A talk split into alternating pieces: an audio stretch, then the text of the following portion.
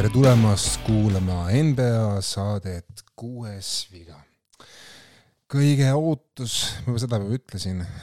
kõige trummipõrinalikum NBA saade Eestis, sellepärast et ainult kahekümne nelja tunni pärast algab juba uus NBA põhihooaeg ja meil on vaja veel terve idakonverents ette võtta, et rääkida lahti, mis, mis, mida me neilt ootame nii-öelda tuleval hooajal ja mis on nende mis on nende põhilised probleemid ja küsimused ja tugevused ja keda, keda üldse jälgida meeskondadest. ja alustame siis Atlantic Divisioniga seekord ja hakkame kohe kõrge tempoga pihta, sest tiime on meil koguni kümme, kellest seekord räägime. Boston Celtics lahkusid meeskonna kapten Markus Smart äh,, tugev ääremängija Grant Williams äh,, mees, meeskonna esitsenter, viimasel hooajal küll varutsenter Robert Williams, Mike Muscala ja Danilo Gallinari. lisaks on tõenäoliselt lõpetanud oma karjääri Blake Griffin ja on meeskonnast lahkunud ka Julian Champagne. liitusid Läti korvpalli ime, võib-olla Läti korvpalli üldse parim mängija läbi aegade, Kristaps Porzingis, liitus äh, NBA meister ja Milwaukee Bucksiga suuri tegusid korda saatnud J-Ru Holiday Äh, liitus Kanada mees ääremängija O'Shea Brissett, äh, ääremängija Lamar Stevens, draftist võeti teisest raundist noor ääre, noor ääremängija Jordan Walsh, äh, Kanadast toodi kohale veel üks teinegi mees, Talano Banton, kes mängis viimati Toronto Raptorsis ja lisaks liitus tiimiga ukrainlane Svjatoslav Mihhailjuk. suurim küsimus eesoleva hooaja eel on, et kas Borzingis ja Al Horford kannavad suurte meestena välja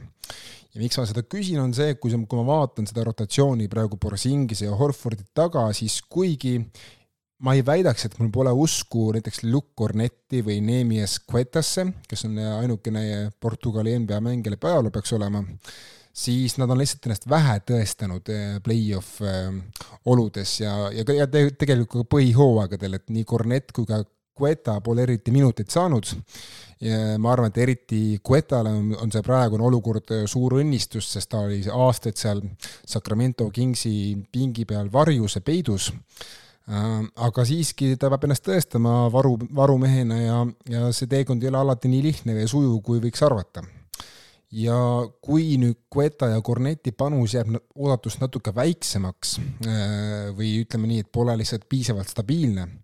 siis peab ju Boston hakkama ikkagi tohutult palju toetuma äh, väga pikale, kakssada kakskümmend sentimeetrit pikale Kristas Borzingisele, kelle tervis NBA karjääri vältel on olnud väga üles-alla ja kõikuv, kuigi viimane hooaeg Washington Wizardsis läks Borzingisele hästi tervise mõttes, siis äh, ütleme nii, et ta on, ta on saanud üle seitsmekümne mängu kirja ainult, ainult kahel hooajal. ja neist üks oli aastaid tagasi oma karjääri algusaastatel New Yorgis, et äh, et Borzingise tervise hoidmine ja tema põlvede ja selja seisukord on alati üks suur küsimärk ka selle äh, hooaja eel, eelhooajal jättis siis Borzingis järjest mänge vahele, sellepärast et noh, ta jättis ka korvpalli MM-i vahele, sellepärast et tervis ei olnud päris korras. Äh, tõsi, nüüd viimastes eelhooaja mängudes sai Borsingis natuke platsile ja sai harjutada, sai mekkida seda elu, mis tekib, kui sa mängid Jason Tatum ja Jalen Browni ja J.R. Holiday kõrval ja Borsingisele näisse päris hästi sobivat. Äh, sai päris palju vabu viskekohti ja tasakaalustas hästi seda JJ-de ja J.R. Holiday dünaamikat. aga noh, ongi see, kuidas teda hoida, seda kaheksakümmend kaks mängu äh, Äh, tervena nii play-off'iks oleks ta täi-, täisvormis, et enamik tiime pole sellega siiamaani kuigi hästi hakkama saanud NBA-s, äkki Boston on erinevus, sellepärast et Borsingise varumees või noh, ta asendaja on kolmekümne seitsme aastane Al Horford, üks kõige vanemaid mängumehi üldse NBA-s, üks väga väheseid äh, saadikuid, kaks tuhat viis äh, NBA draftist koos Chris Pauliga või on see kaks tuhat, kaks tuhat ei vabandust, ma eksisin praegu aastaga, igatahes äh, Al Horford äh, on küll suurte kogemustega mees, on kasulik mees, on ennast tõestanud mitmeid ja mitmeid aastaid järjest play-off ides, aga ikkagi see odomeeter on päris punases tänaseks Horfordiga ja ja nõuda, et Hal Horford hakkab kaitsma Jannis Antetokounmpot ja Joel Embiidi ja veel teisi idakoljateid ja see võib olla natukene natukene liiga palju juba nüüdseks, aga oleme ennegi siin eh, enneaegselt matnud vanu mängumehi, eh, tuletan siinkohal shout-out eh, Chris Paulile, nii et ärme seda Horfordi veel ka maha mata. suurim Bostoni tugevus on see, et neil on NBA tugevaim esikuuik ja päris lootustandev seitsmes mees ka, Peyton Pritchard. et äh, selle seitsme mehega on nad ju ikkagi suurfavoriitide seas, kui mitte vaata et suurim favoriit eesoleval hooajal. Ja veel üks tugevus, ma ütleksin, mis, mis Celticsil on peale väga NBA tugevama esikuuiku ja, ja täitsa asjaliku seitsmenda mehe, on see, et kui vaadata, kes on nende põhirivaal, Milwaukee Bucks, siis äh, väga raske on leida tervest NBA-st paremat kaitsjat Paxiga liitunud Damien Lillardi peale, kui seda on Paxi enda endine mängija ja nii-öelda justkui legendiks kerkinud tagamängija J-Ru Holiday. Holiday, Holiday on ennast Dame'i vastu ka tõestanud, tõsi küll, aastaid tagasi Pelicansi ja Blazersi äh, vahelises vastasseisus, aga ma olen kindel, et Holiday saab Dame'iga üsnagi hästi hakkama, ta on üks väheseid, kes seda väga hästi teeb ja selles mõttes on Celticsil selge eelis seal tagaliinis olemas. et see, mille nad annavad eesliinis ära võib-olla Jannise vastu, teevad nad tagaliinis kindlasti tasa ja millest meidepäeval räägiti? räägiti ikkagi suurte vahetuste mõjudest ja sellest, et kuidas Borisingis ja Holiday hakkavad klappima ülejäänud võistkonnaga. räägitakse sellest, et võistkonnal justkui nagu pole näiliselt kaptenit või niisugust nii-öelda valjuhäälset ja valju suu, nii-öelda palju rääkivat meest, kes on siis kaitses kam-, kamandab kõiki ja on niisugune dikteerija, nagu, nagu seda oli Markus Smart või nagu seda näiteks Golden State'ist Raymond Green või seda on Lakersist Lebron ja Davis, eriti Lebron um,. aga selle peale ütles muidugi nii uus peatreener Joe Mazzulla, kes alustab oma teist aastat äh, peatreenerina ja ja Brad Stevens, kes oli endine Celticsi peatreener, tänane mänedžer, et äh, võistkonnas on seitseteist kaptenit, igaüks neist on vastutav äh, selle eest, et nad oleksid õhtust õhtusse tasemel mängumehed, et nad ei annaks kunagi oma tasemes alla ja austaks nende Boston Celticsi kuulsusrikast ajalugu ja, ja, ja lihtsalt ka üldist taset oma iva seal on, mina siiski arvan, et neile kuluks üks võib-olla hooaja keskne vahetus ära, nüüd see Pritchardile antud uus leping ähm, ka tegelikult võimaldab teha seda vahetust. Varasemalt oligi võib-olla Bostoni probleem see, et kuigi sellel esikuuikul ehk siis ähm, Holidayl, Brownil, Tatumil, Horfordil, Borzingisel ja Derek White'il on kõigil nagu kallid lepingud, siis kedagi neist ära vahetada on natukene noh, ei ole kuigi hea mõte. ja, ja nüüd on Pritchardil vähemalt niisugune leping, millega annab mõelda välja mingisuguse kombinatsioone, eriti kui seda klapitada näiteks koos Horfordi lepinguga. keda ma jälgin tuleval hooajal, on Kristas Borsingis. kui Celtics tahab tiitlit võita, peab Borsingis olema kaaluda kallutaja Celticsi kasuks. Borsingisel on ette näidata päris vähe hooaeg, hooaegu, kus ta on olnud suure otsustaja rollis tiimi ridades, mis mõtleb kaugemale teisest raundist. õigemini võib öelda, et tegelikult kas tal on seda üldse kunagi olnud, sellepärast et nii, nii New Yorgis kui ka Tallases tegelikult äh, kumbki meeskond, kui Borisingis seal oli, ei olnud komplekteerituselt kindlasti valmis võitlema suurte tiitlite nimel ja isegi konverentsi tiit-, konverentsi finaali saamise nimel viimane hooaeg Washington Wizardsil tõesti oli Borzingisel üks karjääri NBA edukamaid hooaegu, aga Wizardsil polnud mitte mingisuguseid ootusi peal, et tegelikult äh, mis need ootused olid, olid tavapärased, et pääsege kolmekümne üheksa võiduga play-off'i kaheksanda või seitsmenda asetusega ja siis vaatame, kas saame äh, pikendada seeria äkki viie mängu peale. et Wizard, Wizard sai küll äh, nende õnneks play-off'ist võib-olla ilma, mis andis neile ka uue hoo, et teha korralik restart kogu organisatsioonile ja tiimile, aga saabki nüüd, noh, siin ongi nüüd erinevaid arvamusi, et äh, arvestades seda Wizardsi eelmist hooaega, kui palju ikkagi saab nii-öelda hinnata või väärtustada seda Borisingise hooaega seal Washingtonis, et kuigi tal tõesti olid head numbrid, siis kui sa mängid kehvas tiimis, kuivõrd asja, kuivõrd nagu väärtuslikud need numbrid on. ja viimaks ma ütleksin äh, Bostoni puhul ka, ma eelmistes saadetes tegin ühe numbri, alati lõpetasin äh, sellega, nüüd ma vaatan, et äh, millegipärast mul pole siin oma märkmetes seda numbrit olemas, aga mul on üks number sellegipoolest täitsa peast varnast võtta. nimelt Jason Tatum on kahekümne kuue aastane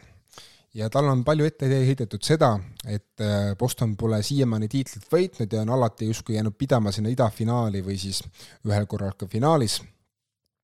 kui me vaatame kõiki äh, või ena-, enam-vähem kõiki, isegi dominantselt kõiki NBA tiitli võitnud number üks mehi oma tiimides, siis tavaliselt on see mees vähemalt kahekümne seitsme aastane. nii et äh, Tatumi võib-olla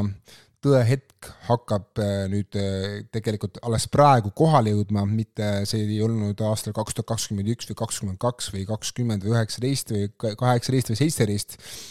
Ähm, seitseteist muidugi tuli Tatum alles liigasse, nii et äh, kaheksateist oli see esimene kord, kus ta sai idafinaali maitsta. nii et anname nüüd kaks aastat aega Jason Tatumile, Jalen Brownile, sellepärast et praegu nüüd on nende tegelikult parimad aastad kätte jõudnud ja alles nüüd järgmise kahe aasta pealt saab, saab öelda, kas Jason Tatumis ja Jalen Brownis on piisavalt materjali tiitleid võita või mitte. Äh, ja tegelikult äh, siin on ka olnud ju kuhjaga staare, kes võidavad oma esimese tiitli siis, kui nad on kakskümmend üheksa või kolmkümmend, et ei ole vaja olla kakskümmend seitse. tiim New York Knicks lahkusid Obi Toppin, Isaiah Roby, Derrick Rose liitusid Dante Di Vincenzo, Ryan Archidiacono ja Dylan Windler. väga itaaliapärane liitumislaine. suurim küsimus, kust leida see järgmine käik tiimisiseselt? ja miks ma seda ütlen, on see, et Immanuel Quickly ja RJ Barrett on minu silmis näiliselt jõudnud või kohe-kohe jõudmas oma võimete laeni. kuigi okei okay,, mõistagi arenevad ajast natuke targemateks mängijateks, nad muutuvad küpsemateks platsi peal otsustajate, otsustajatena ja neil on äh, mõlemal veel küllap ka üht-teist varust ka, ka võib-olla viske mõttes, aga ei näe mina praegu seda, et Quicklist ja Barrettist kujuneks mingisugused, nagu ma ütlesin Borsingise kohta, kaaluda kallutaja. ehk siis äh, jah, nad annavad oma, oma tugeva osa kindlasti Knixi edusse, aga nemad pole need määravad mehed ja sellest lähtuvalt tekib küsimus, et kui sa vaatad Barretti ja Quickly selja taha, siis ega seal palju noori mehi nüüd ei olegi, kellest saaks samamoodi rääkida. on ainult üks, kes pääses ka eelmise hooaja poole pealt Knixi algviisikusse ja see on mees, kelle tõttu oli palju sekeldusi eelmisel suvel Donovan Mitchell'i vahetuse pärast ja ma küsingi, kas Quentin Grimesis on tõesti midagi enamat peidus kui nii-öelda kolme viskama ja kaitset mängiva rollimängiga, et äh, tundub, et äh, praegu on Knixi panused minemas Grimesi peale, kes siis eelmisel hooajal natukene lõi õitsele. Suurim Knixi tugevus on see, et neil on tuumikrotatsioon päris stabiilne. ainult kolm meest vahetusid ja neist kaks olid nagu täiesti pingiotsamehed, et tegelikult ainult Dante Di Vincenzo vahetus Obi Toppini vastu neil on väga tugev ühtlus seetõttu, eriti tagaliinis, aga ka eesliinis ma ütleksin, et Mitchell Robinson on väga korralik algtsenter, kes tegi ju siin kevadel seljad prügiseks noortel meestel nagu e, e, palju kiidetud Evan Mobley ja Jared Allan Robinsoni selja taga on väga korralik varutsenter Isaiah äh, Hartenstein. Ja tegelikult on neil ka kolmas mees, kes mängib päris edukalt ka suure äärena ja lihtsalt musta töö tegijana Jericho Sims, et ma ütleksin, et see kolmik äh, pikkade trio on päris hästi üksteist tasakaalustav ja, ja väga tugev just nagu üldise NBA lõikes aga jah, et äh, kuigi nad on tugevad ühtlased, siis äh, ma ütleks, et veel üks tugevus Knixi puhul on see, et juhtkond ei tee enam kiirustatud otsuseid rosteri edendamiseks, et äh, fookus on lõpuks ometi tugeva maine ehitamisel, et hiljem tulevikus staare püüda. Ja üks tugevus veel, Knixi mehed on silma paistnud siiamaani võrdlemisi hea tervisega NBA karjääride lõikes, et eriti Julius Randle, ma ütleksin, et ja Knixi tiimikeemia on hea ja kindlasti aitab tiimikeemiat ka see, et neil on koos siis koguni kolm meest legendaarsest Villanova ülikooli tiimist, kes võitsid ka ülikooli Kossu meistritiitli, Jalen Brunson, Josh Hart ja Dante Di Vincenzo on kõik vanad ülikooli, ülikooli semud ja mis seal salata, tegelikult räägitakse seda, et eks nad äh, salamisi sadavad ka erinevaid kirju äh, samas linnas mängivale Michael Bridgesele, kes oli ka nendega samas tiimis. nii et äh, taha, tahetakse teha triost kvartetti. mida siis räägiti Knixi meediapäeval ja mida räägitakse nüüd? no põhiliselt paistis silma see, et RJ Barretti haip on tõesti asendunud Quentin Grimesi haibiga ja teine võib-olla põhiline teema on see, et ega Knicks ei tea endiselt, mida teha siis pingile istutatud circa kakskümmend miljonit aastas teeniva teeneka prantslase Evan Fournieriga, et Fournier avaldas siin sügise eel päris tulise intervjuu Prantsuse meedias, kus ta sarjas Knicksi juhtkonda ja Tom Thibodeau'd, mille peale siis Tom Thibodeau meediapäeval ütles, et noh, et ma saan aru küll Evan Fournieri pahameelest, aga esiteks mina ei ole üldse, minu võimuses ei ole Evan Fournieri kuskile saata, et see on ikkagi juhtkonna võimuses ja tege-, ja teiseks on see, et kui ma vaatan meie numbreid, et mis, mis olid siis kaitsenumbrid enne Evan Fourieri pingile taandumist versus pärast ja üldse ka võitude-kaotuste saldo, siis räägib ikkagi selgelt Fourieri äh, kahjuks ja, ja seetõttu ma arvan, et ka järgmisel tuleval hooajal me väga tihti Evan Fournieri platsil ei näe, vähemalt mitte Knicksi särgis. kellel hoian silma peal? Jalen Branson. eelmisel aastal murdis Branson välja Dontšitši varjust ja oli üks favoriite kõige arenenuma mängija tiitlile ja kindlasti ta sel aastal ka tahab kindlasti pääseda esim-, esmakordselt oma karjääri ajaloos siis allstar mängule ka, ma olen selles üsna kindel. ja küsimus ongi, kas MM-il natukene mõnevõrra kahvatuks jäänud Branson suudab hoida seda lippu sama kõrgel kui eelmisel NBA hooajal. et just Bransoni vägiteod eh, eelmisel hooajal säästsid päris palju Julius Randle'it eh, meediakriitikast ja näis, et Randallile kulus Bransoni kohaletoomine ka kõige rohkem ära just aga ka efektiivsuse mõttes. nii et äh, kui Branson nüüd suudab näidata, et see eelmine hooaeg polnud nii-öelda komeedihooaeg, vaid on nüüd ikkagi püsiv ja, ja see tema tase kas püsib või isegi läheb tsipakene paremaks, siis on Knicks omadega üle pika-pika-pika aja päris soliidses positsioonis ja üks number on ka see, et äh, neli on see number, et äh, minu arust on Knicksil äh, neli mängijat, kes kõik on väga võimekad mehed mängimaks nii väikest äärt kui ka viskava tagamängi kohta. ma räägin siis äh, Quentin Grimesist, Archie Barrettist, Dante DiVincenzost ja Josh Hartist, kes eelmisel hooajal ennast ikkagi vägagi tõestas Nixi ridades ja kui sul on neli head meest, kes kõik äh, tahavad saada ka ju tulevikus hästi makstud, siis see võib tekitada teatavat ähm, sise ma ei ütle, et hõõrdumine, sellepärast et eh, vähemalt Di Vincenzo ja Hart ju saavad väga hästi läbi koos, koos Bransoniga, aga võib-olla Archie Barrett hakkab tundma ennast natukene võõr, võõristatud mehena või siis eh, mine tea, mis, mis mõtleb üldse sellest asjast ka, ka näiteks eh, Emmanuel Quickly, kes tegelikult võiks ka mängida num-, number kahe peal. nii et äh, võib-olla on natuke isegi liigset sügavust Knicksi tagaliinis. Lähme edasi Brooklyn Netsi poole, lahkusid Seth Curry, Utah Watanabe, Patty Mills, Joe Harris, Edmond Sumner ja David Duke Jr. liitusid Lonnie Walker, Dennis Smith Jr, kes tegi eelmisel hooajal väga eduka comeback'i Charlotte Hornetsi ridades ähm, ja Lonnie Walker päästis ju Lakersile tervelt ähm, play-off seeria, võib-olla isegi Golden State Warriorsi vastu. liitusid veel Trendon Watford Portlandist, draftist võeti Äh, esimese raundi lõpupoole pikk mees Noah Clowni ja tagamängija Tariq Whitehead ja lisaks võib-olla tule, on tulemas ka tagasi NBA-sse niisugune andekas äh, suur äär Harry Giles, kes äh, jäi oma esimesel korral hätta vigastustega, mis teda kummitasid ka ülikooli kossus. suurim Netsi küsimus on see, et kas Mikal Bridges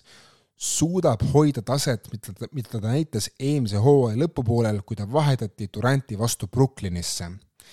ja teine suur küsimus, neil on koguni kaks suurt. kas Ben Simmons on suuteline enam andma kvaliteetminuteid NBA platsil? et just Bridges ja Simmons määravad ära, milline on Netsi mängumaa nii tulemuste kui ka vahetuste tegemise mõttes. Suurim Netsi tugevus ma pean tunnistama, et ma natuke aega otsisin seda tugevust ega seda hästi ei, ei leidnud ülesse. ma ütleksin, et see suurim tugevus on teatud draamavaba keskkond. Et Ben Simmons on ehk ainukene, keda üleriiklikus meedias kritiseeritakse, aga kõik teised Netsi mängumehed on selleks natukene liialt igavad ja seega ei oodata Netsist justkui eriti midagi, mis annab omakorda pikema runway Netsi uutele noortele, nagu seda on Clowni ja Whitehead. ja kui ma nüüd seda ütlesin, siis ma saan aru, et tegelikult on ikkagi Netsil päris kehv seis positiivsete asjaoludega. Nad ei saa tankida, sest nende drafti valikud kuuluvad valdavalt Houston Rocketsile ja need, ja kuigi neil on Phoenix Sunsist terve kavaluga drafti valikud, siis vähemalt järgmised paar aastat võib, võivad need valikud olla päris kehvad, et peab ootama võib-olla isegi kolm aastat, enne kui saab Sunsi käest mõne asjaliku drafti valiku kätte. Mida räägiti siis Netsi meediapäeval? no räägiti eelkõige sellest, et kas Ben Simmons on nüüd lõpuks tulnud tagasi NBA platsile, tal on olnud hädasi nii vaimse tervisega, nii füüsilise tervisega, tal on selg olnud päris tihti katki. Aga noh, Ben Simmons arusaadaval põhjustel, ta on ikkagi endine NBA aasta, aasta kaitsemängija üks favoriite ja ikkagi endine allstar ja endine number üks valik draftis kaks tuhat kuusteist, aga võib-olla on see Simmonsi jutt läinud, on endiselt natukene liiga üle võimendatud, arvestades seda, mida Bridges tegi eelmise hooaja lõpus. räägiti meediapäeval ka seda, et Nick Claxton, tahab tõestada, et ta on aasta kaitsemingi vääriline korvpallur. Claxton tunneb, et talle tehti liiga pärast seda, kui Durant ja Irving lahkusid Brooklynist, et tema kõik need suured sooritused kaitse poolel jäid liialt varju, sest meedia enam ei jälginud Netsi. sellel on osaliselt tõsi, tõepõhi all, kindlasti, kindlasti Netsile osaks langenud tähelepanu ja ka Claxtonile seeläbi langes, aga teisalt ega ka Claxtoni enda mängupilt äh, langes, sellepärast et kohe, kui Durant ja Irving ikkagi läksid kõrvalt ära, siis äh, hakati Claxton ikka rohkem äh, nügima ja katsetama vastaste poolt ja Claxton ei noh, ütleme nii, Claxton ei reageerinud kõige küpsemalt alati. kellel hoian ma ise silma peal? No siin on ainult üks vastus tegelikult, Ben Simmons. et ta ei tabanud eelmisel hooajal ainsatki vabat, vabaga viset kaks kuud järjest. ja ta vältis peaaegu igal võimalusel joonele minemist ja seda oli valus vaadata. kui see Ben Simmonsi vaimne hirm püsib vabakajoone ees, pole tegelikult mitte mingisugust vahet, kas Simmonsi kaitse läheneb tagasi eliittasemele või ei. Sest kahe täieliku non-shooteriga ehk siis Simmonsi ja Claxtoniga samal ajal platsil koos on väga raske midagi võita ja kui sa neid hakkad nii-öelda äh, erinevalt jaotama rotatsioonide vahel, siis noh, ega see, ega see nagu oluliselt, ma arvan, tulemusi ei muuda. ja üks võib-olla number sellest äh, Brooklyn Netsi võistkonnast on siis see, et äh, Spencer Dinwiddie, Brooklyn Netsi praegune alustav mängujuht, viskas eelmisel hooajal kõige rohkem alley-oop sööte mööda. Äh, ja, ja ma seda numbrit ei saanud kätte, aga ma nägin, et oli seal mingisuguse, keegi oli seda kokku lugenud ja ta oli seal arvestuse tipus ja see number lihtsalt läks mul meelest ära, ma tunnistan, aga tahaks näha, kas Spencer Dinwiddie suutlikkus selles valdkonnas paraneb ja Nicholas Claxton ja Claxtoni taga olevad mehed nagu Dayron Sharp ja Harry Giles ja Ben Simmons äh, saavad rohkem alley-oop-sööte või seesama Dinwiddie tsirkus jätkub. Läheme edasi võib-olla kõige magusama selle divisioni tiimi juurde, Philadelphia Seventy Sixers. kes lahkusid? lahkusid kolm meest. Ääremängija Jalen McDaniels, tagamängija Shake Milton ja tsenter Dwayne Dedmon. ja noh, ütleme nii, keegi neist polnud teab mis põhirotatsiooni liige, nii McDaniels kui ka Milton olid seal varumeeste pingil kord olid, kord ei olnud nii et äh, selles mõttes suuri kaotusi otseselt Seventy Sixers ei kandnud suvel.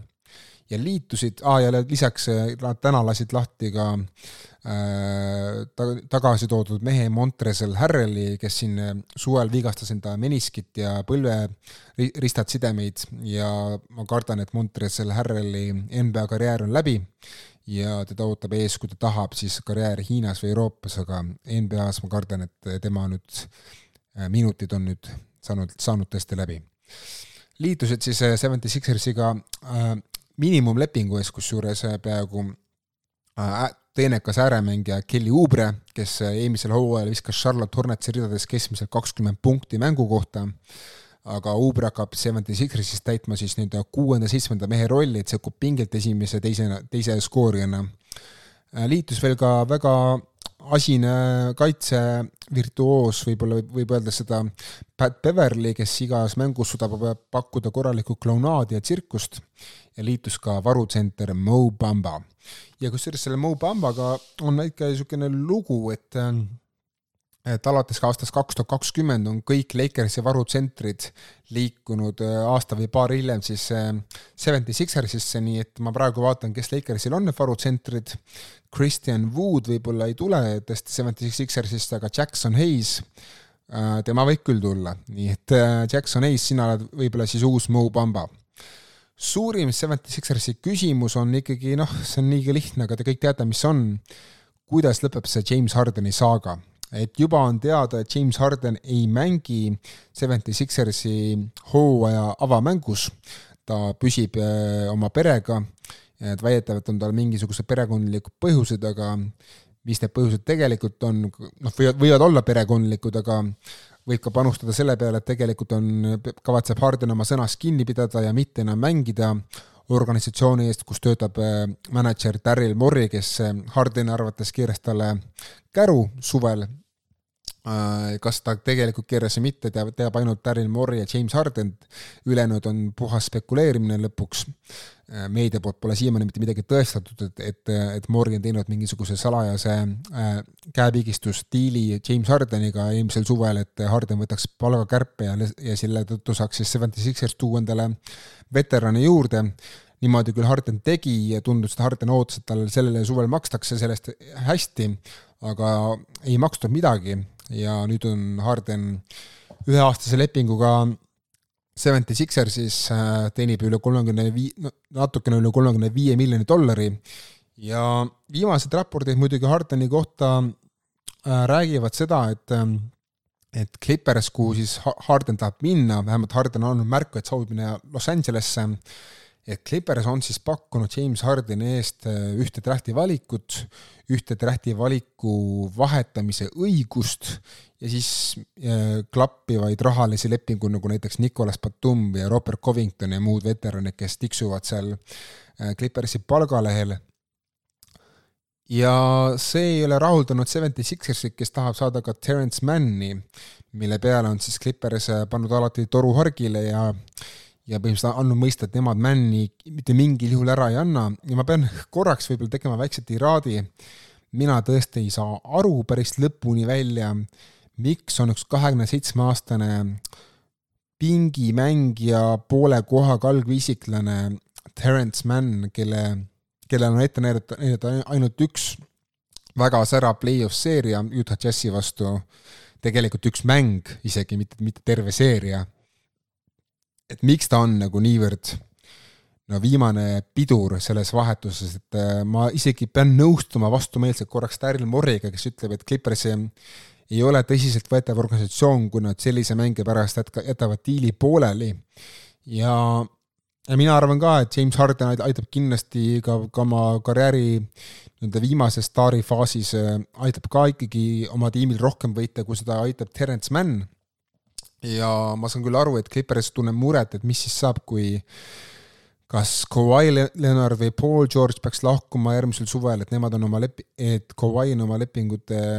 lõpus ja Paul George on oma lepingute lõpus, aga et ma saan aru jah, kui tõesti, et tulevik võib, võib näha korraks välja väga sünge, kui kui see risk Hardeniga ei tasu ennast ära, aga riske peab võtma ja selles mõttes äh, ma väga, ma tõesti tõsiselt kahtlen, kas Mann aitab rohkem võitmisele kaasa kui Harden. ja arvestades seda, kui, kuivõrd on Clippers ootusi igas mõttes alt vedanud, mis neile, mis neile osaks pandi pärast seda, kui nad tõid oma tiimi Lennardi ja Paul George'i, siis mina arvan, et on vaja teha suuri riske, et seda asja natukene päästa et samamoodi jätkates äh, niimoodi, et äh, sulle annavad lihtsalt äh, teiste rollimängijate asemel sügavust teised rollimängijad nagu Westbrook ja Bones Highland ja muud mehed, siis ma veidikene kahtlen, kas see tulemus saab olla palju parem isegi siis, kui, kui Leonard ja George jäävad tervise juurde uh,. aga lähme siit edasi sellest Clippersi juurest ne,, ne, neist me ei taha rääkida, räägime ikkagi Philadelphiast. mis on suurim Philadelphia tugevus, on see, et kuniks, kuniks see Hardeni saaga veel laheneb ja saab oma lõpulahenduse millalgi, siis Joel Embiid, eelmise hooaja MVP ja Tyrese Maxi väga lootustandev tagamängija, kes on niisugune plahvatuslik, kiire ja väga hea skoorininaga ja tegelikult päris korraliku sööduninaga ka, Embiid ja Maxi ja Tobias Harris äärel annavad päris võimsa vundamendi Sixersile ka ilma Hardenita, et isegi kui Harden jätab mänge vahele ja kavatseb natuke boikoteerida neid hooaja alguse mänge, ma kardan, et ega ta lõpmatuseni seda ei taha teha, sest ta võib kaotada väga palju raha sellega ja, ja raha on Hardenile oluline, aga aga Sixers ei lange see play-off pildist välja, kui Embiid just ei saa viga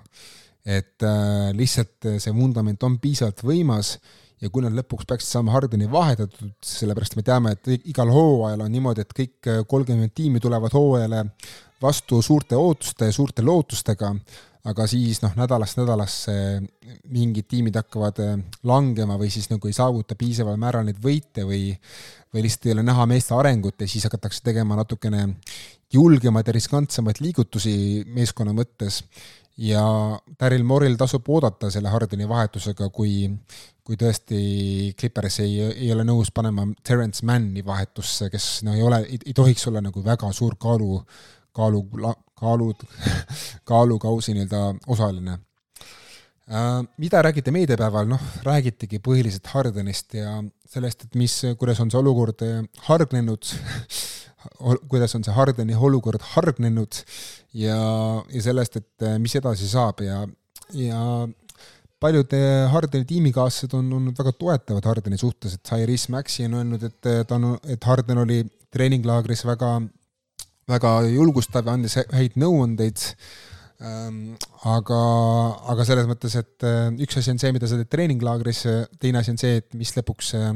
see resultaat platsi peal on ja kas Harden seal ennast korralikult näole annab, et tundub, et enamik Sixersi tiimikaaslased saab aru, et ähm,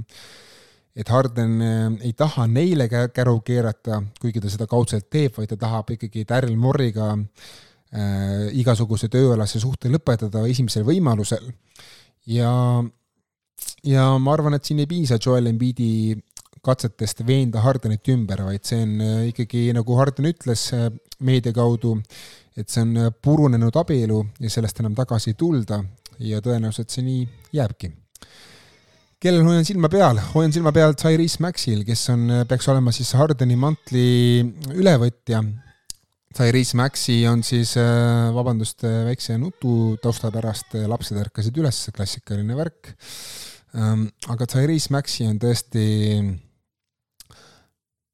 tema tuleva hooaja sooritustest sõltub see, kuidas näeb välja see Seventy Sixersi järgmine, järgmise suve pitch kõigile vabaagentidele või piiratud, piiratud õigustega vabaagentidele. Et äh, Daryl Morey pole mitte mingit saladust teinud sellest, et äh, Seventy Sixersi plaan on minna järgmisele suvele vastu nii, et neil on palgalehel ainult Joel Embiid ja veel rukkilepinguga olev Tyrese Maxi, kelle uus leping siis hakkab siis nüüd järgmisel hooajal pihta alles. ja see annab Seventy Sixersile päris unikaalse nii-öelda positsiooni, väga, väga vähe näeb NBA-s niisuguseid äh, hetki, kus tõesti terve tiim on põhimõtteliselt mängijatest lage, ainult äh, kaks suurt staari on justkui tiimis või noh, vähemalt üks staar ja tema abiline.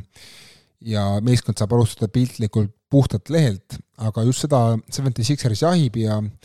ja kõik teavad, milleks on Joel Embiid suuteline,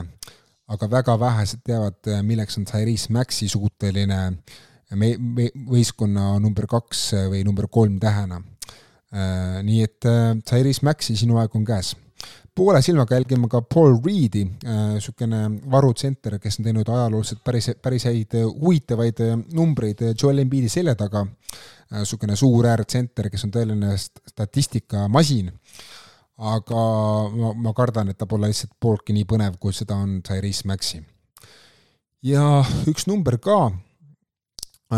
siis Seventy Sixersi poole pealt hoidke silm peal D'Anthony Meltonil, kelle, kes eelmisel hooajal sai peaaegu kaks vahetlõiget mängust ja kui James Harden ei anna ennast näole, siis Meltoni roll suureneb ja Meltonist võib saada NBA parim vahetlõikaja tuleval hooajal. Lähme edasi Atlantic Divisioni viimase äh, tiimi juurde, selleks on Toronto Raptors, äh, kelles, kelle tiimist lahkusid siis suvel Fred Van Vliet, kes lahkus ei millegi eest, lihtsalt liitus vabaagendina Houston Rocketsiga, äh, lahkus ka siis Talano Banton, kellest me rääkisime, Will Barton lahkus ja lisaks ka Joe Weiskamp, kes liitusid. Fred Van Vlieti koha võtab üle värske korvpalli maailmameister ja oma tiimi liider Dennis Schröder, Jalen McDaniels Äh, draftist liitus kolmeteistkümnenda valikuga Grady Dick, kellega perekonnanimega saab kindlasti palju nalja tuleval hooajal ja lisaks liitus tiimiga ka kolmekümne seitsme aastane Garrett Temple, kellest saab tõenäoliselt üsna varsti ka NBA abitreener. Suurim Raptorsi küsimus on see, et mis suunas küll liigub Toronto Raptors pärast Fred Van Vlieti suvist lahkumist. sest äh, on tekkinud palju küsimusi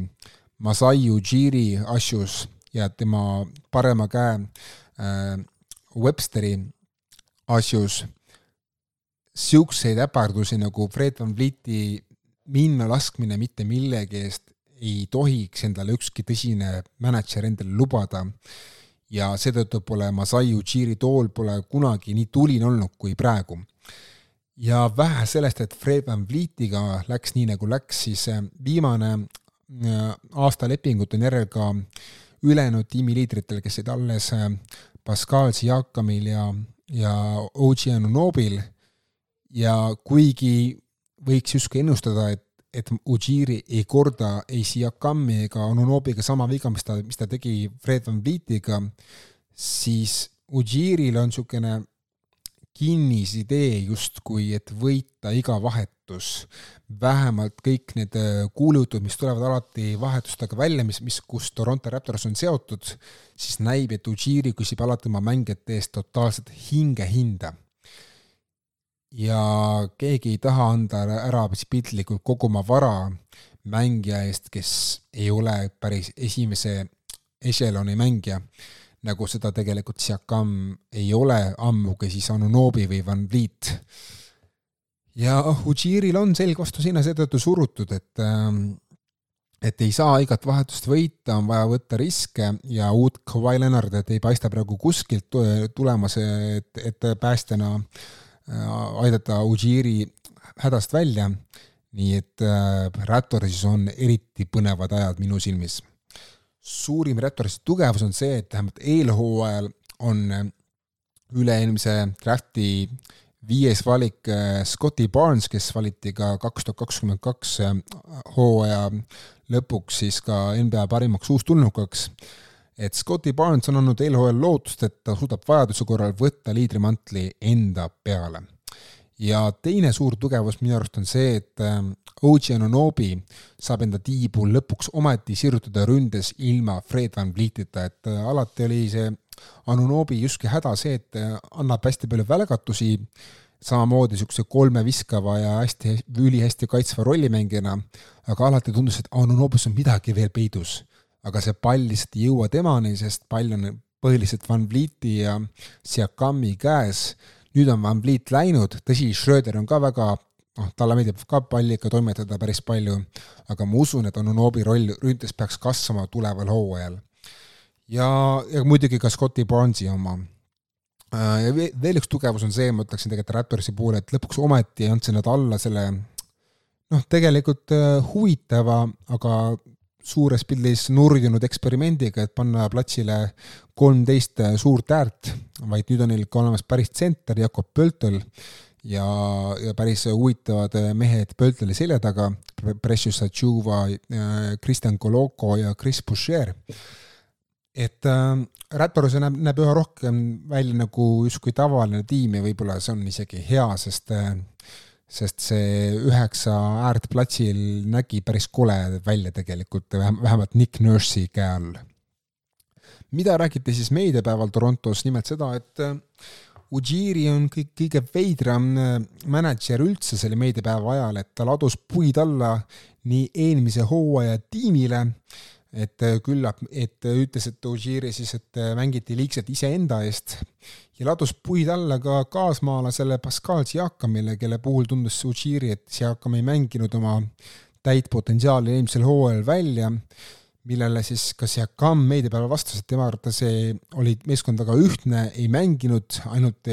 iseenda eest mitte keegi selles tiimis, vaid oli ikkagi hea sisevaib, et pigem oli probleemid seal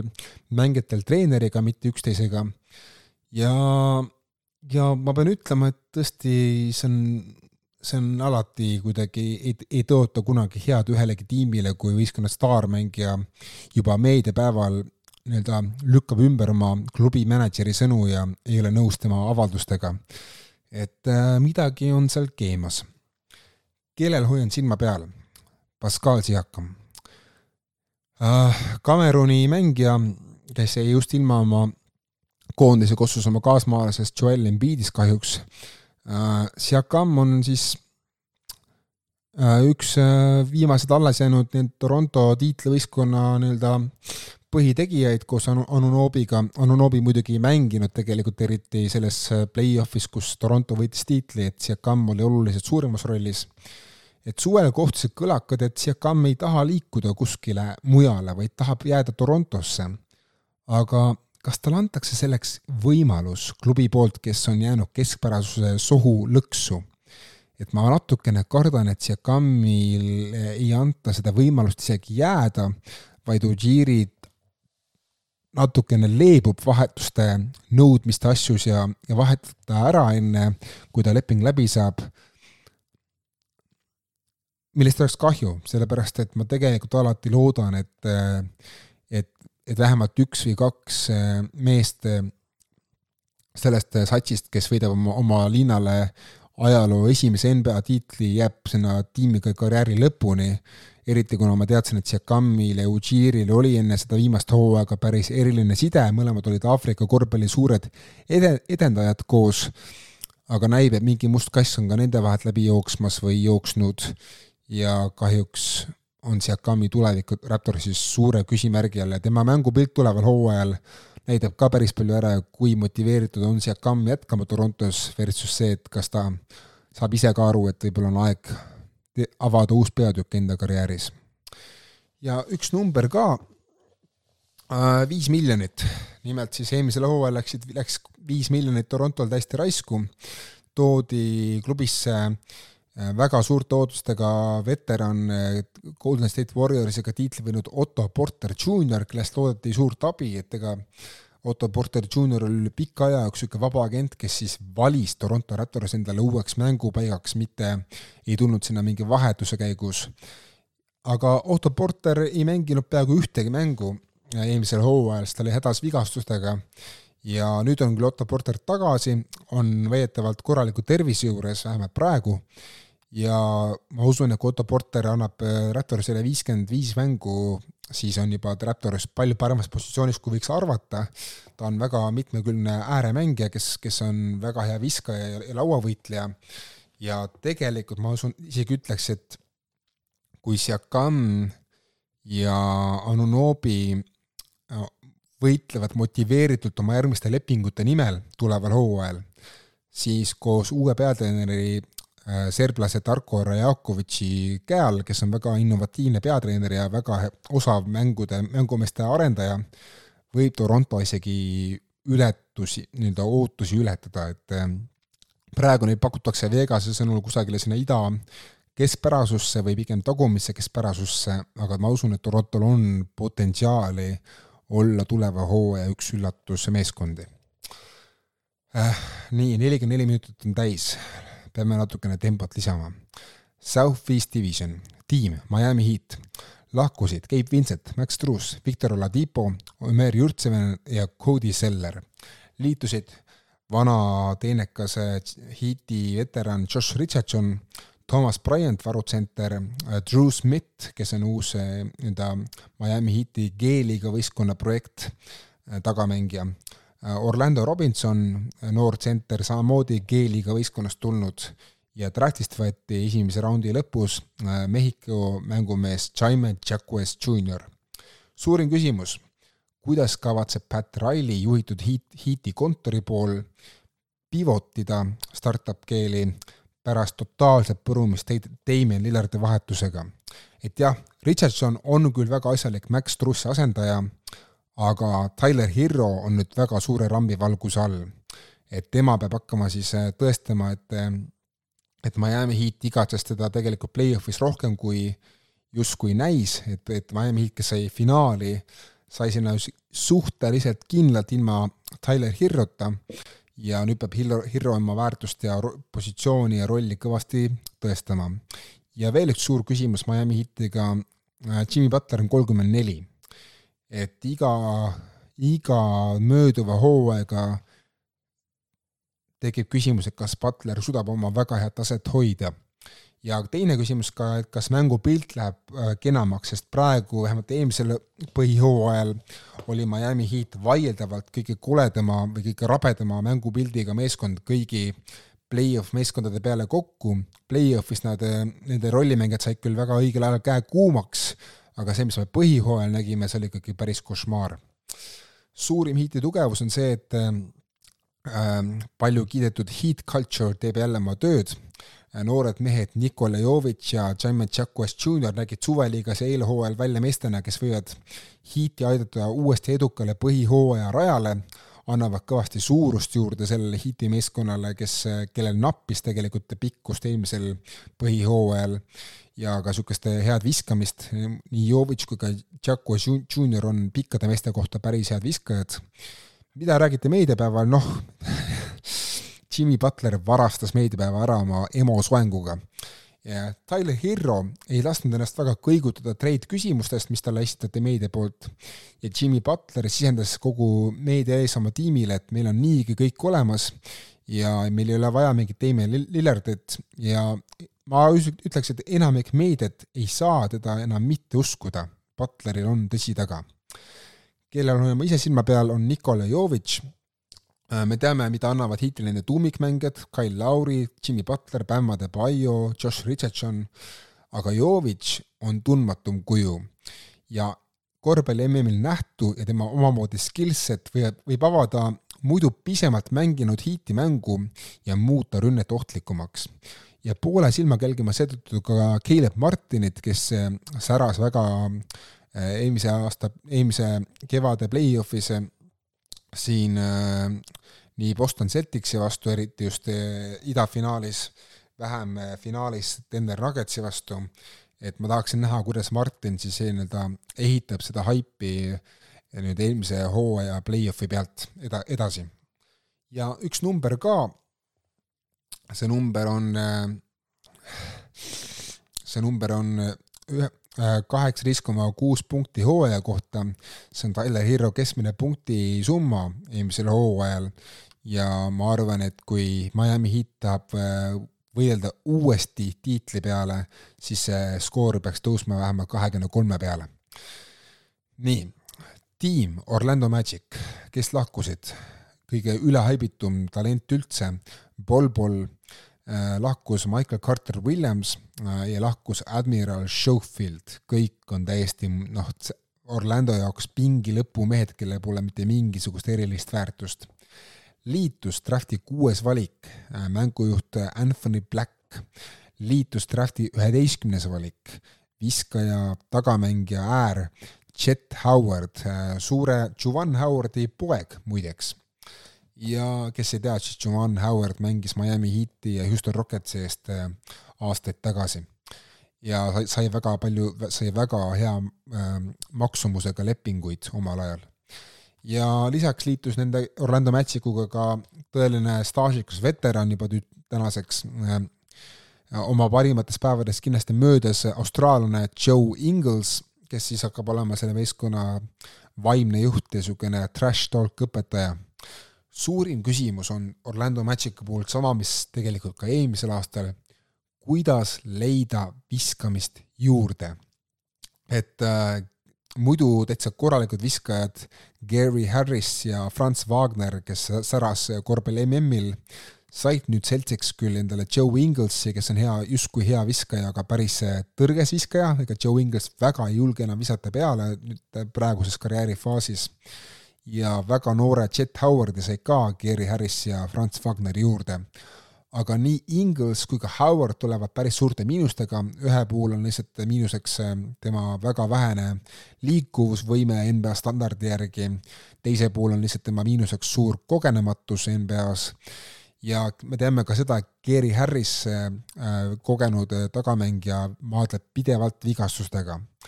ja veel üks äh, suur küsimus Orlando Magicu puhul on see, et kuidas laheneb see siselahing erinevate tagamängijate vahel, et praegu on, kandideerib põhimängujuhi kohale siis Anthony Black, Franz äh,, mitte Franz Wagner, Anthony Black äh,, äh siis Jalen Sachs, kes valiti hiljuti draftis esikuuiku valikuga. Ja lisaks ka Markel Fultz, kaks tuhat seitseteist drafti number üks valik, kes on oma karjääri vaata et taaselustanud Orlandos ja kes sellest, lisaks on tegelikult nende taga veel ka Cole Anthony, kes sai just Orlando Magikult uue lepingu, kolm aastat kolmkümmend üheksa miljonit, nii et neli andekat tagameest, kõik tahavad olla põhimehed või vähemalt äh, väga palju minuteid saavad äh, varumehed, nii et äh, Orlando Magicul on palju lahendamist, mida vaja hooaja käigus siis ette võtta. suurim tugevus Franz Wagner ja Paolo Banchero olid ühed MM-i kõige säravamad mängijad ning annavad erakordset lootust Orlando satsile, mida pole Disney maailma pealinnas nähtud alates Dwight Howardi tõusust eliidi sekka. tiimil on ka teoorias assiste rotatsioonimeeste mõttes kenasti sügavust, kui vaid Gary Harris ja kaitsev ääremängija Jonathan Isaac lõpuks ometi ka vastu peaks NBA põhihooaja koormusele et tõesti tsentri rotatsioon on, on Orlando Magicul täitsa asine, Wendell Carter Jr ja Koga Pitace ja muud äh, huvitavad mehed seal, Moritz Wagner, Franz Wagneri vanem vend, kes aitas oma koondist kõvasti korvpalli MM-il, taga, taga on neli meest asist ja äärel on ka mõned noh, Wagner ja Pancher on vaata et üks parimaid tandemid üldse. nii et äh, sügav, sügavust on. mida räägiti meediapäeval, no põhiliselt küll pinniti tiimi, kuidas ta kavatseb lahendada siis äh, selle punnseisu mängujuhi koha peal.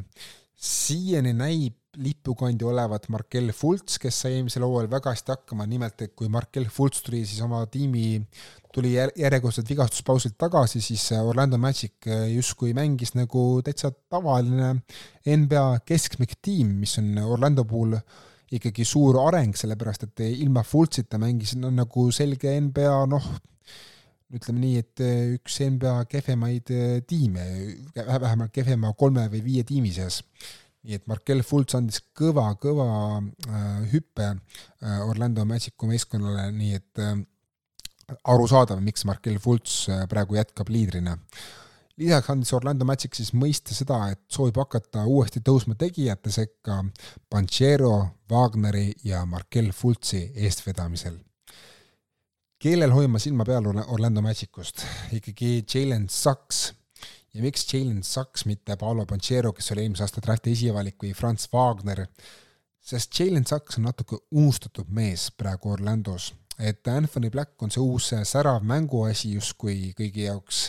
Markel Fultz on niisugune imeline feel good story,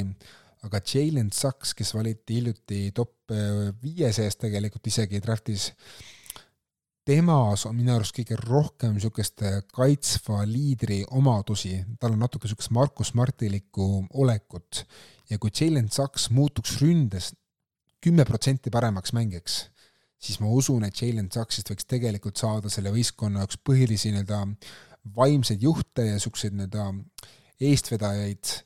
Ja, ja ma näen, et tal on mingis mõttes talenti rohkem, kui seda on Markel Fultzil ja Anthony Blackil, nii et Jalen Sachs minus,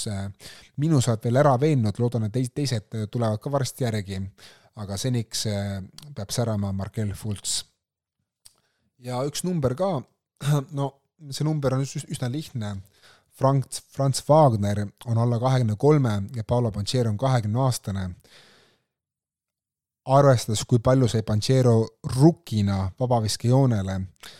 ta sai tõesti, viskas keskmiselt üle kaheksa vaba, vabaviskemängus, mis on rukki kohta ikkagi peaaegu ennekuulmatu modernses NBA-s, siis on tõesti raske leida NBA-st sama talendikat noort äärtetuuot, nagu seda on Panchero ja Wagner ja tulevik on nende eest valla, kui vaid mehed püsivad tervetena, sest Panchero sai tegelikult USA koondises päris okeilt hakkama korvpalli MM-il, võrreldes paljude teiste USA mängumeestega. ja Wagner oli, oli pärast väikest vigastuspausi seal MM-i ajal, oli ikkagi lõpuks ikkagi jälle oma koondise liider, kui tulid need otsustavad kohamängud ja nende kahe nende kahe saatel võivad teised mehed nagu Wendell Carter Jr ja Jalen Sachs ja, ja Markel Fultz äh, päris suuri tegusid korda saata, kui vaid arenetaks koos ja, ja ei muutuks see tiim liiga kalliks Orlando jaoks. sest äh, Panchero ja Wagner saavad varsti väga, väga kallid lepingud. Ähm, ja siis äh, üks num-, number ütlesin ära, lähme edasi. Charlotte Hornets on, no see läheb nüüd küll kiiresti kes lahkusid Kelly Oubre, Svjatoslav Mihhailjuk, Kai Jones, Dennis Smith Jr ja Kobe Simmons. liitusid äh, drafti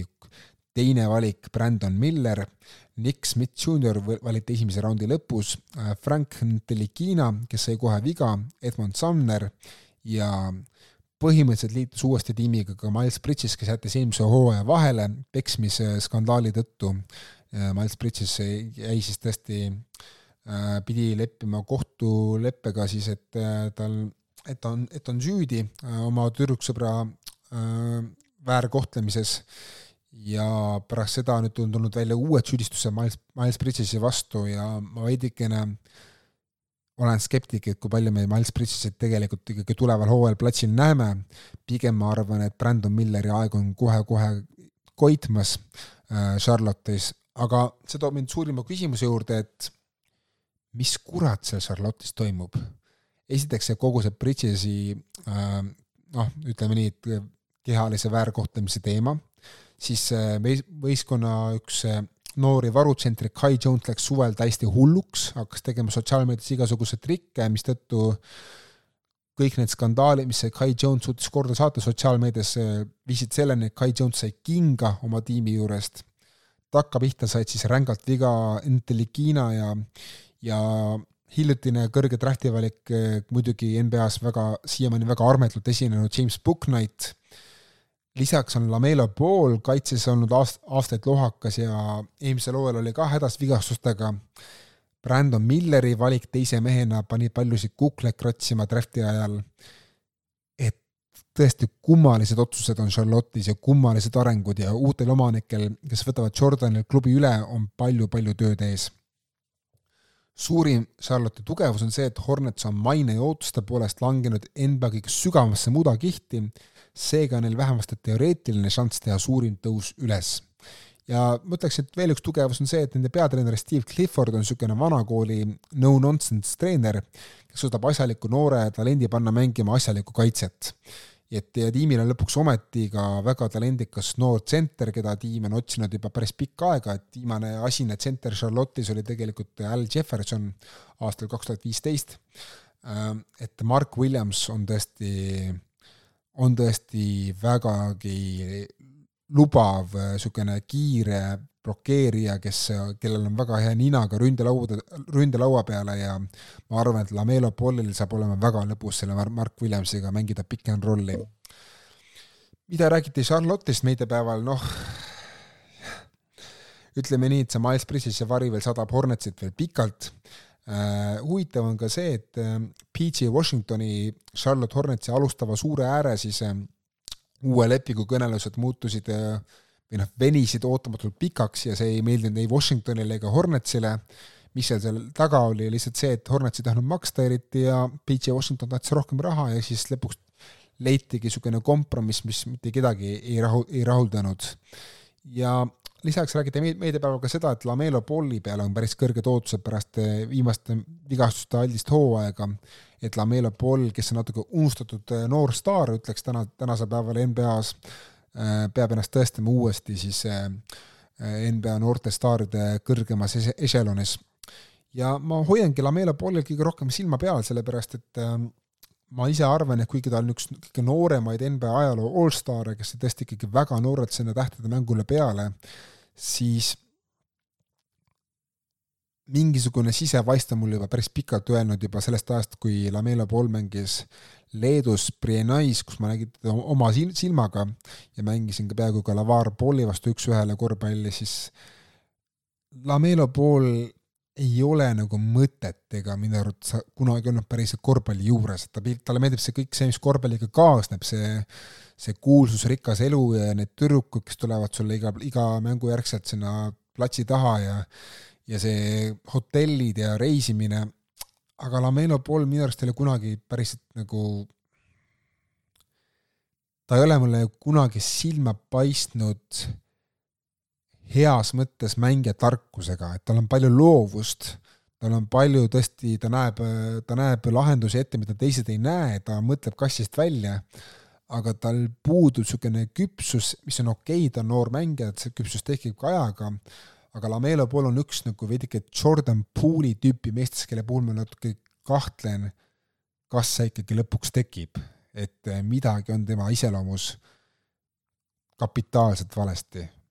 Et äh, numbrid teeb Lamela pool alati häid, kahtlemata ta on, tal on väga, ta on väga tugev lauavõitleja, tagamängija kohta ja tal on, ta on väga andekas söötja, aga ma ei ole kindel, kas Lamela pooli ümber on võimalik luua võitvat tiimi ja arvestades Charlotte'i Hornetsi ajalugu, siis äh, see oleks järje, järjekordne löök Charlotte'i linnale, kes on niigi palju kannatanud. ja üks number ka siis mm., nimelt siis äh, Gordon Hayward äh, Äh, tegi eelmisel hooajal ühe oma viimaste aastate kõige edukamatest hooaegadest, äh, oli, oli rohkem platsil kui varasemalt, äh, üle neljakümne mängu ja see tegi küll naerata, aga, aga see on Gordon Haywardi jaoks väga suur saavutus ja siit minu palve korvpallijumalatele, et andke Heiverdile vähemalt üks terve hooaeg veel, kui mitte kaks või kolm või rohkemgi. mees on piisavalt kannatanud ja ta annab ikkagi sellele Charlotte'ile, kui ta, kui ta on platsi peal, natukene teise mekki juurde, ta annab küpsust, ta annab niisugust heas mõttes mehelikkust äh, platsi peal juurde ja Gordon Haywardit oli lihtsalt väga vinge näha mängijana enne tema vigastusi, nii et ma ikkagi alati loodan, et Gordon Hayward saab ennast ühe korra veel käima, enne kui ta karjäär läbi saab NBA-s äh,. Ük-, lähme edasi Atlanta Hawksi juurde äh,. lahkusid siis meeskonna alustav suuräär John Collins, varu mängujuht Aaron Holiday äh,, pingi lõpus olnud noor Tšehh, Eestit päris mitme punktiga kustitanud Vitt Kretši ja Tyrese Martin. Liitusid Wesley Matthews, üks NBA kõige staažikamaid veterane,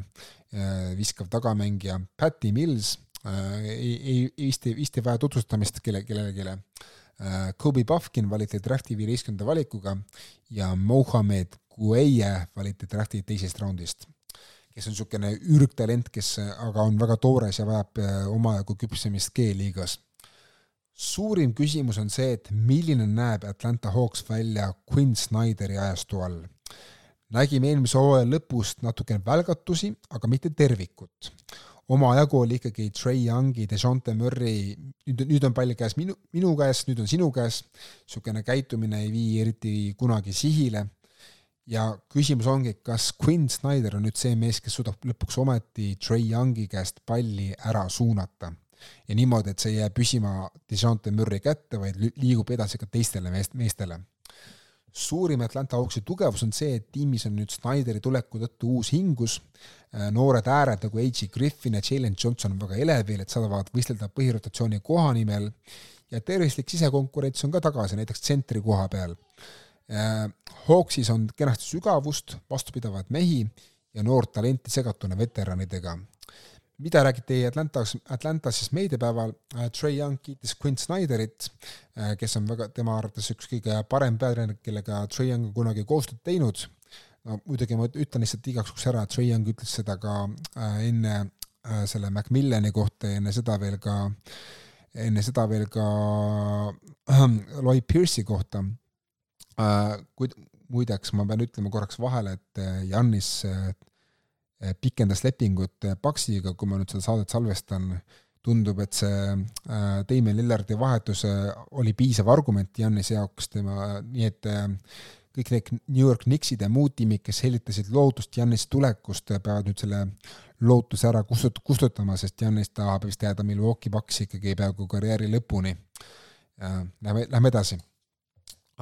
Kellel ja mida veel siis meediapäeval räägiti, et Jalen Johnson annab tiimile uut hingust suure ääre, suure, noore suure äärena, kes jagab ka palli päris hästi ja lisaks räägiti meediapäeval, et Atlanta Hawks siib jälle play-off kohta kellele hoian silma peal? Trey Young. Trey Youngi äh, täht või kuulsus on mina, minu arvates oluliselt langenud pärast kaks tuhat kakskümmend üks play-off'i äh,. Liiga läheb muudkui suuremaks ja füüsiliselt võimsamaks, aga Trey Young jääb sama väikseks ja tema kaitse pole ka aastatega üldse paranenud ja ka viskade stabiilsus on hakanud langema, eriti just viimasel hooajal. Ja minu küsimus ongi, et kuidas reageerib Trey Young nüüd eriti teravalt ähm, NBA reporterite mikroskoobi all olles, et suvel tuli Atlantast märguanne, et mitte ükski Atlanta Hawksi tänane mängija, sealhulgas Trey Young, mitte ühegi mängija töökoht pole kaitstud ja Atlanta valmis tegema suuri muutusi, kui nüüd tuleval hooajal erilist edu ei saavutata. Ja üks number ka Atlanta Hawksist siis ka, äh, nimelt siis äh, viimasel hooajal tegi Clint Capela äh, oma kohta päris kesised lauanumbrid ja plokinumbrid, tal jäid need lauanumbrid jäid alla kümne ja plokinumbrid alla ühe koma viie keskmiselt mängu kohta, et kas lõpuks ometi on helgem aeg koitmas siis hiljuti draftis kuuenda valikuga võetud noorele tsentrile Onyeka Okongwule viimane tiim, siis keelan päris läbi ka. Äh, Washington Wizards, kes lahkusid. Äh, võistkonna pikaaegne liider Bradley Beal, Borisingis, äh, varumängujuht Monte Morris või tegelikult isegi eelmise hooaja alustav mängujuht, Kendrick Nunn, Jordan Goodwin, Isaiah Todd ja tõenäoliselt lahkuvad kaks meest veel ja minu panus on selle peale, et lahkuvad siis Xavier Cooks ja Anthony Gill. Liitusid Jordan Poole, äh, suur, suurem täiendus võib-olla, äh, Memphisest tuli üle varumängujuht Tyus Jones, kes saab olla siis põhimängujuht äh, Washingtonis, Mike Muscala, Danilo Gallinari, Patrick Baldwin Jr, Ryan Rollins, Landry Shamet tuli Phoenixist üle ja lisaks tuli ka Bilal Koulibaly draftist seitsmenda valikuga. Äh, noor prantslane, kes oli siis Victor Wembanyama tiimikaaslane eelmisel hooajal Prantsusmaa meistriliigas. suurim küsimus, kuidas kavatseb Washington Wizards langeda veelgi sügavamale ja kuhu maanduvad nende veteranid? on küll võimalik, et Pool ja Kuzma, kes on, Kyle Kuzma siis jäi ainsa justkui veteranina sellest Bradley Beal, Kristaps Porzingis ja Kuzma triost, jäi küll Kuzma tiimi et on võimalik, et Pool ja Kuusma teevad selle töö päris lihtsaks, aga momendil on Wizardsil paberi peal veel piisavalt veterani rohke tiim, et üllatada avalikkust. Suurim tugevus on see, et Wizards viimaks ometi taipas, et aeg on anda juhtimine tõeliste proffide kätte ja tiimil on lõpuks ometi suund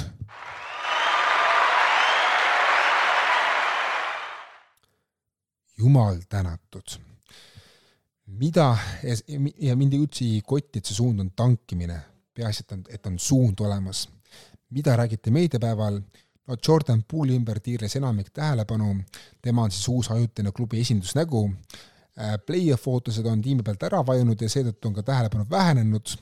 Wizardsi juhid, Michael Winger ja teised mehed andsid mõista, et šablooniks on nüüd Wizardsil OKC Thunderi mudel, mis on arusaadav, sest Winger ja teised Wizardsi suured otsustajad on kõik, on kõik pärit Sam Presti koolkonnast, et aga kui see šablooniks on OKC Thunderi mudel, siis uue Wizardsi laine pealekasvamine võtab nüüd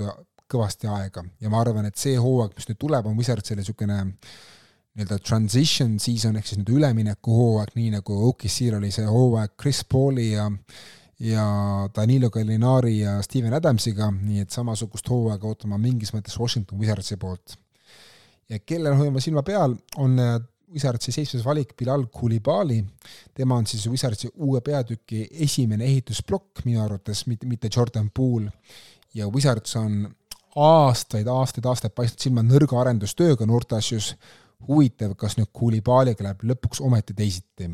ja üks number, Bilal Koulibaly on üheksateist aastane. sellega on nüüd kõik, aitäh, et kuulasite, nägemist